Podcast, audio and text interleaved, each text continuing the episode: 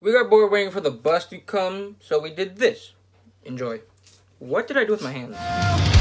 Say goodbye. I don't have the strength to let it all end.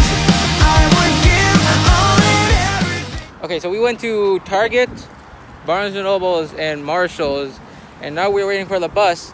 When we left, it was hot. When we now it's cold as hell. You could tell because he's wearing a jacket, and he hardly ever wear, wear a jacket. One time it was snowing at, like I started wearing some. I wore. I started wearing something like what I'm wearing. Yeah, I remember I wore shorts one day. Oh my god. Yeah. I thought you were high. I'm not gonna lie. I thought. Wait. I thought I saw my breath for a second. What the fuck? Oh yeah, the bus is finally coming. You said it. You said it was gonna be a minute. It's been well over a minute. Plus, it looks like it's gonna snow and or rain. Apparently, it says it's going to rain though. Yo, it said it was gonna rain the whole day. It stopped at like uh in the AM at AM something. Yeah.